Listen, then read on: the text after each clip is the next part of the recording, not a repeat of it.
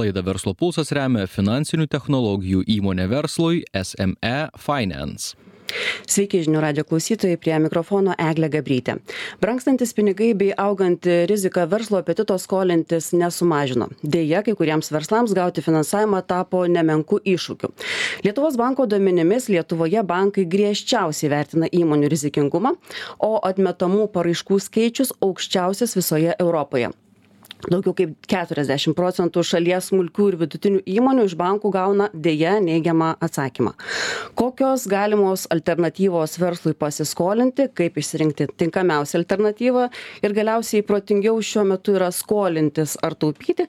Šiandien to klausiu savo pašnekovo o laidoje dalyvauja finansinių technologijų įmonės verslui sme finance vadovas Mindaugas Mikalajūnas. Sveiki, Mindaugai. Sveiki. Na, mes prieš laidą išsikalbėjom, kad jūs šitame sektorėje, fintech ir bankininkystės dirbate 15 metų. Tai galit objektyviai vertinti ir prognozuoti, kas vyksta ir kas bus.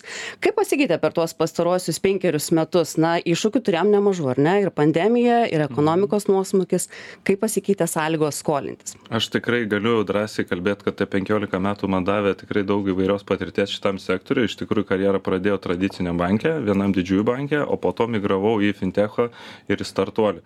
Tai kaip, kaip pasikeitė, tikrai galiu pats savo kailių pasakyti ir patirt, tai kas pasikeitė labiausiai, kad pakito kainodaros iš tikrųjų, dabar tai objektyviai dėl Euriboro. Po to labai svarbus momentas, kad alternatyvus finansavimas gerokai išaugo. Jeigu tai 2016 metais, kai mes startam, tai šitą rinką ir nišinių žaidėjų buvo labai mažai ir ten skaičiavam milijonais tik tą rinką, o dabar galime skaičiuoti arti milijardo, tai nu mažiausiai 10 kartų rinka pasikeitė, kai tuo tarpu tradicinė bankininkystė liko panašiame lygyje. Ir prie ko tai prisidėjo? Tai prisidėjo, aišku, didelės investicijos į technologijas ir pats prieinamumas šitų paslaugų natūraliai išaugo nes technologijos internetas niekur kai nereikia eiti iš ofiso tų paslaugų ir įperkamumą ir prieinamumą padidino. Tai visa tai apibendrinus kaip sakau bankai eina pana panašiai ta pačiame lygyje o alternatyvus finansavimas iš tikrųjų kaip metai iš metų auga.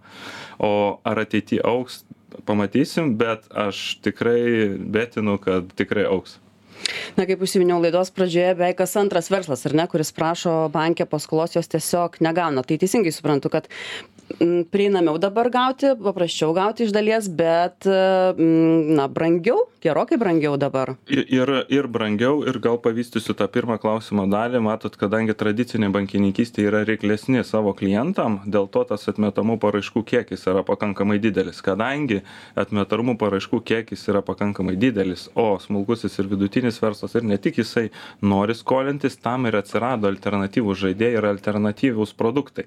Kad tą atmetamų kiekį paraiškų galėtume mes patenkinti.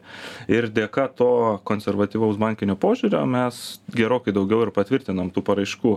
E, nepaisant to kad daugiau tvirtinam paraiškų kaip minėjot pats skolinimasis jis brango. E, brangimas yra susijęs dėl objektyvių dalykų dėl euriboro pokyčių aišku aišku keitėsi rinka rinkoje ir pati pinigų kaina.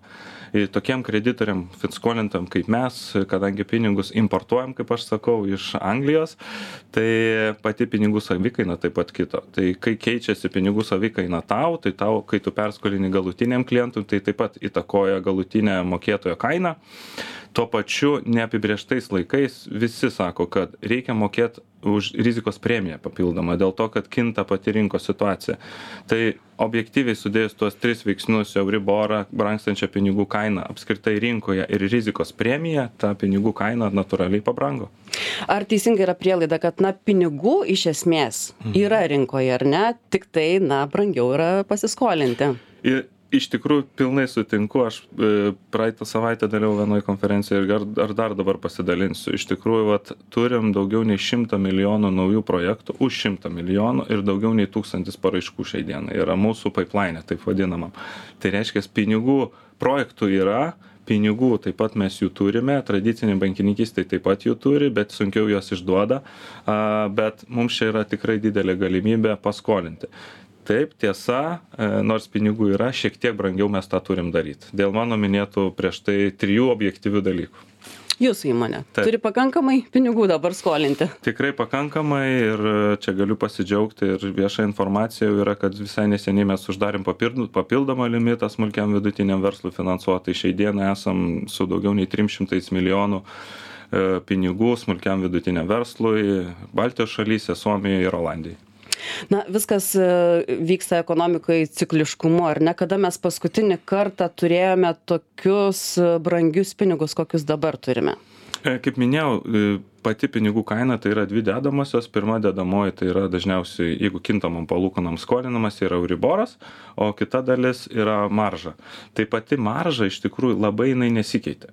E, Tai galiu tą objektyviai pasakyti ir drąsiai, kas liečia euriborą, tai tokio lygio euriborą mes turėjom dar prieš kriziniais laikais, 2000 turbūt 6-7 metai, va, tuo laikotarpiu.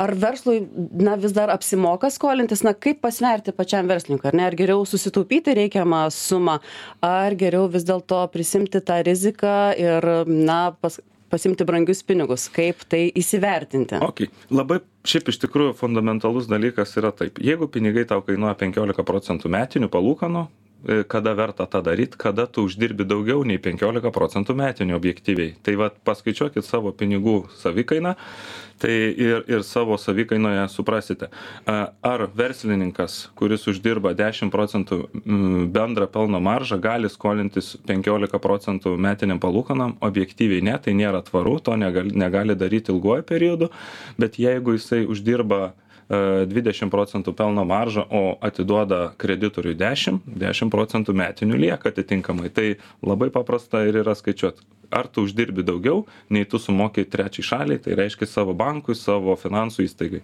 Jeigu sumoki mažiau nei uždirbi, objektyviai skolinkis. Jeigu ne, tai a, aišku ne. Kam šiandienos kontekste labiausiai dažniausiai skolinasi smulkus ir vidutinis verslas? Na ir kaip na, padėtumėt taip pat įsivertinti, kam skolintis, o kam geriau susitaupyti? Kam susitaupyti, ar ne? Ok, tai pirma klausimo dalis, tai peržiūrėjus mūsų dabartinį, sakykime, smulkaus vidutinio verslo portfeliuką, aš tokius gal tris segmentus išskirčiau, yra, inve, kurie investuoja ir atsinaujina. Tai reiškia, tai yra nesustuk, nenustojamas procesas pačios įmonės, kad tu turi pastovi atnaujinti savo rengimus, parką, automobilius, į kitą įrangą.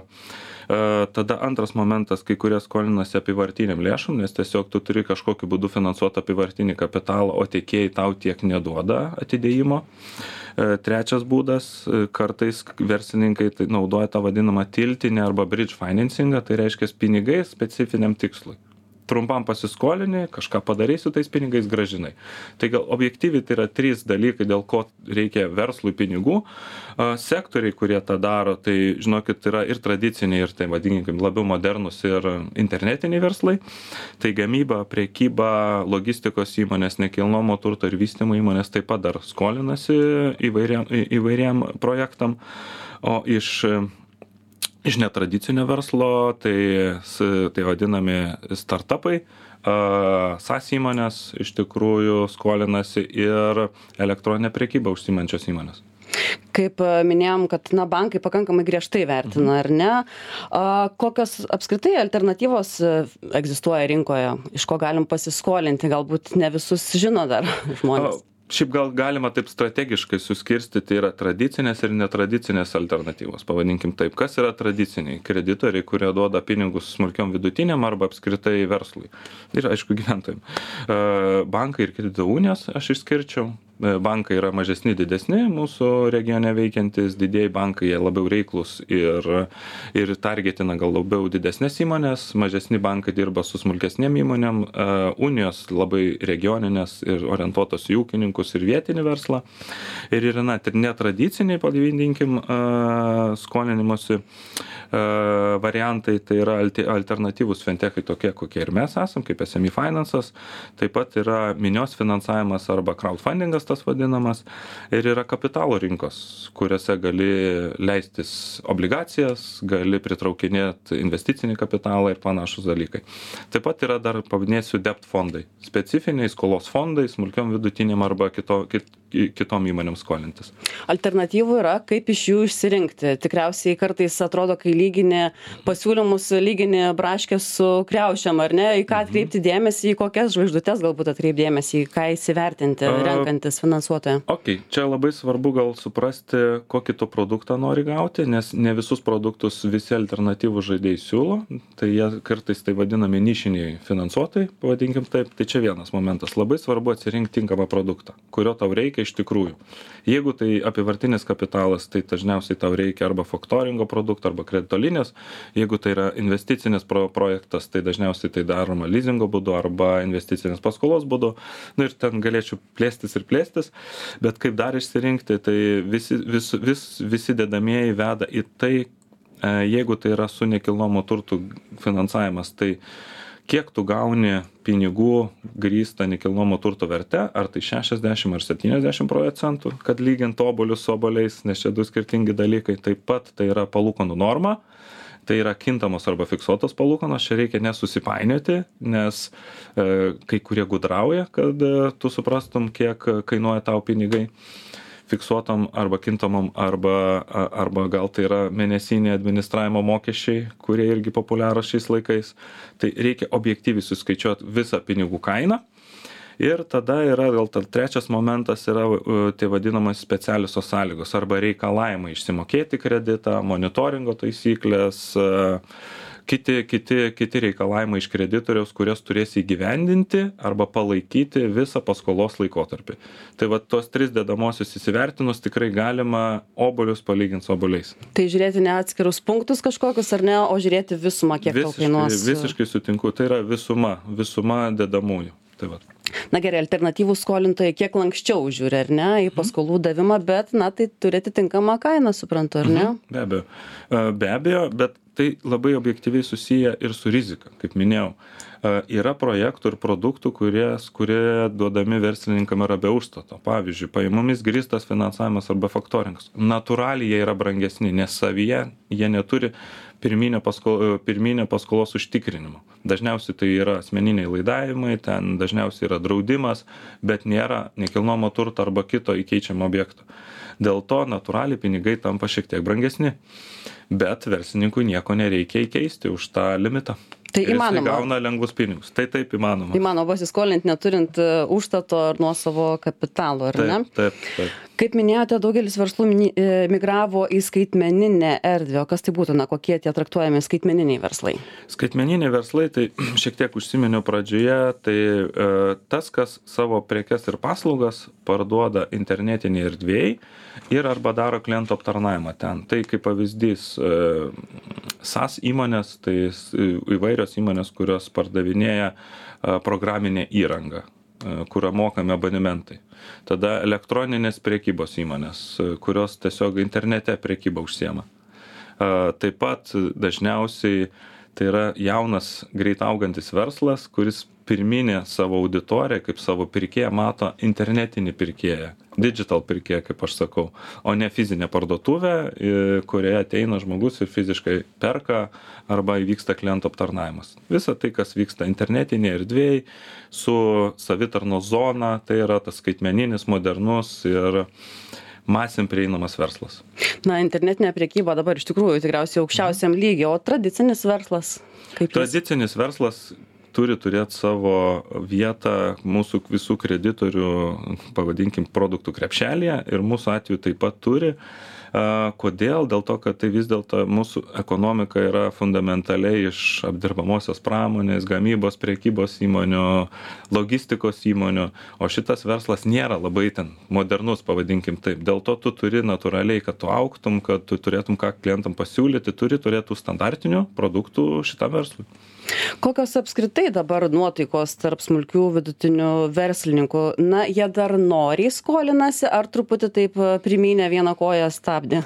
Iš tikrųjų labiau gal primynė vieną koją ir su kuo me- mes seniau konkuruodavom iš tikrųjų gal daugiau konkurencinė aplinka būdavo tarp bankų alternatyvių žaidėjų o dabar mes konkuruojam su pačia logika ar verta skolintis ar neverta. Kaip minėjau nebėra kaip užau užaugo palūkanos kai kuris verslas nebeuždirba tiek kad verta skolintis o o seniau uždirbdavo dėl mažesnės palūkanų aplinkos atitinkamai e, gal uždirbau ir tiek pat bet kreditoriams sumokėdavau mažiau. Dėl to skolintis poreikis būdavo natūraliai didesnis.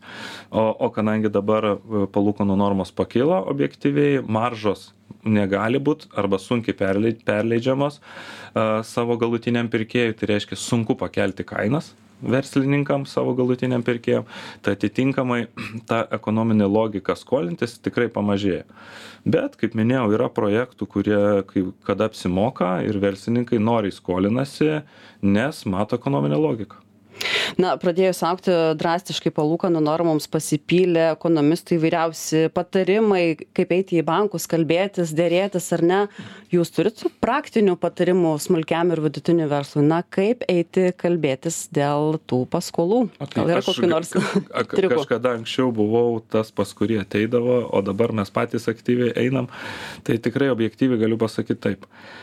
Reikia verslininkam labiau pasiruošti. Jeigu seniau atsiųsdavai ten baziškai užpildytą paraišką, pusiau užpildytą, gal ne taip pasakysiu, pusiau užpildytą paraišką, seną turto vertinimą ir šiek tiek pamasažuotą, taip gal paprastai pasakysiu, verslo planą, tai dabar šitos tris dalykus reikia padaryti gerokai kokybi- kokybiškiau.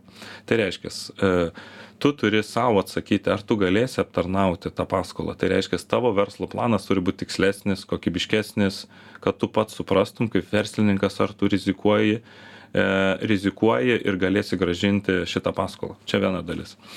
Antra dalis yra turto vertinimas, jeigu tai yra nekilnojamo turtų grįsta paskola, kad reikia turėti jį pakankamai naują, kad jis būtų aktualus ir nesenas, nepakankamai senas.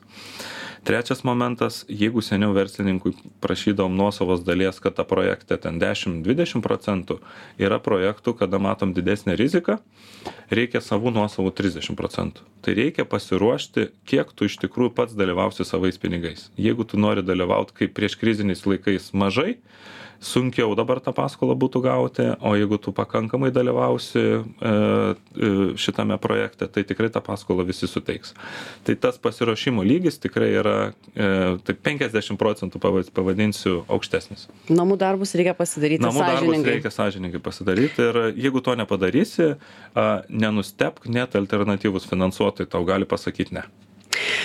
Pabaigai mes kalbėjom du tūkstančiai šeštais septintais metais turėjom tokius brangius pinigus kokius turim dabar. Jūsų prognozė žinau nedėkinga yra prognozuoti. Jūsų prognozės kada mes vėl galim tikėtis kad skolinsimės na pigiau?